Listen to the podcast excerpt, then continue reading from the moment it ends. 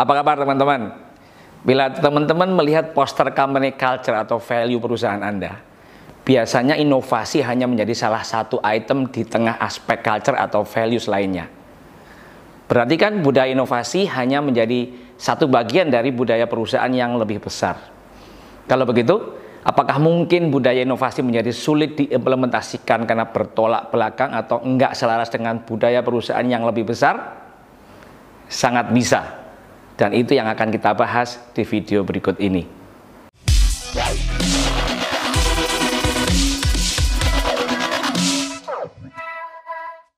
Ketika teman-teman ingin membangun budaya inovasi di perusahaan Anda, Anda perlu mempertimbangkan dahulu seberapa budaya perusahaan yang sudah terbentuk akan mendukung atau justru menghalangi terbangunnya budaya inovasi tersebut.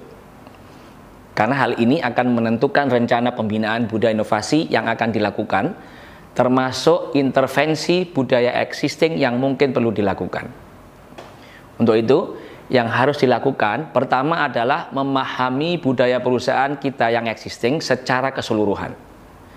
Saya paham hal ini nggak mudah. Secara intuisi kita mungkin dapat merasakan budaya perusahaan kita, tapi belum tentu bisa mengkonkretkan atau mengartikulasikan apa yang kita rasakan. Oleh karena itu, di sini saya siapkan sebuah tool yang dapat membantu teman-teman. Dalam buku Diagnosing and Changing Organizational Culture oleh Cameron dan Quinn, diusulkan sebuah model kategorisasi budaya yang disebut Competing Value Framework atau kita singkat saja CVF. Saya sarankan teman-teman menggoogle CVF ini untuk melihat matriksnya dan ini menarik. Di sini saya jelaskan secara singkat, CVF menunjukkan ada empat tipe budaya organisasi, yaitu budaya adokrasi, klan, market, dan hierarki. Sebelum saya jelaskan satu-satu, saya ingin menekankan bahwa budaya dari setiap organisasi pasti merupakan campuran dari empat tipe budaya tersebut.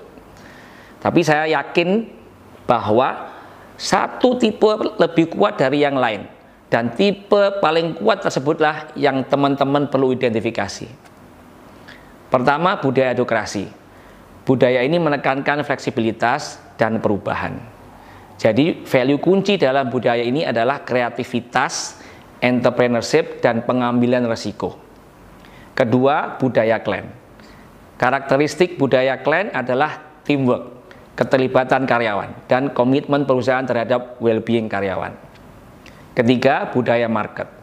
Budaya ini sangat mengutamakan pencapaian target, konsistensi dalam delivering results, dan kebersaingan di pasar. Dan yang terakhir, budaya hierarki. Budaya ini berorientasi pada stabilitas dan kontrol, dan value kuncinya adalah efisiensi dan ketaatan pada peraturan. Dengan gambaran keempat tipe budaya berikut, Semoga teman-teman bisa mengira-ngira dan mengidentifikasi tipe budaya mana yang paling kuat di perusahaan Anda. Namun bila ingin identifikasi dengan lebih sistematis, teman-teman bisa melihat alat asesmennya di buku yang sama, Diagnosing and Changing Organizational Culture atau dengan menggoogle Organizational Culture Assessment Instrument. Nah, setelah kita lakukan identifikasi ini, kita akan lebih memahami seberapa budaya existing perusahaan kita akan mempermudah atau mempersulit pembinaan budaya inovasi.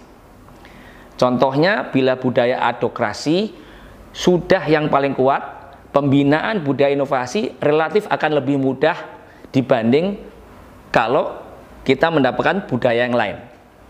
Sebaliknya, bila yang paling kuat di perusahaan kita adalah budaya hierarki, Tentunya PR untuk pembinaan budaya inovasi akan jauh lebih banyak dan menantang. Oleh karena itu, rencana pembinaan budaya inovasi yang kita buat akan khusus atau customized tergantung pada tipe budaya yang paling kuat di perusahaan kita yang sekarang seperti apa. Sehingga approach pembinaan budaya inovasi akan berbeda-beda antar perusahaan sesuai budaya existingnya. Semoga bermanfaat.